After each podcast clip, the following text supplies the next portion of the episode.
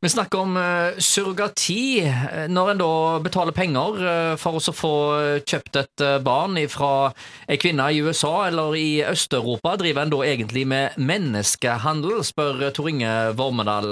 Nå kan jeg stille et spørsmål tilbake igjen, Tor Inge. Ja, men i enkelte land så selger de jo døtrene sine for husdyr, geiter og den slags. Er ikke det en form for menneskehandel, det òg? Altså det, det, ja, det, er, det, er, tragisk, og jeg syns en bør sette foten ned for at det skal være eh, lovlig. Nå er ikke surrogati eh, lovlig i Norge, men den slags import eh, kan en ikke sette et eh, hinder for. Nå så jeg at eh, familieministeren Kjersti Toppe eh, gikk ut og, og kritiserte dette her, og sa hun ville se på om det går an å få en form for forbud.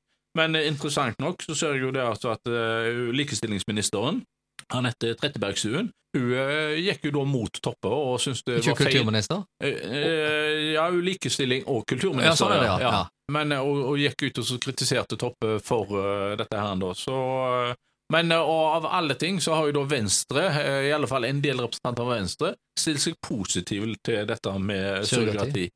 Men det, altså, det som reflekterte over da, det var jo altså at han, dette var en mann på 50 år Eh, og som da skal følge opp eh, dette her en eh, barnet. da. Men altså, det er ikke noen aldersgrenser for dette. Hva om en på 60-70 år ønsker å, gjøre noe sånn som det der? Er det, ja. det er, jeg syns iallfall det er veldig betenkelig at vi driver med denne Jeg, jeg vil kalle det for menneskehandel.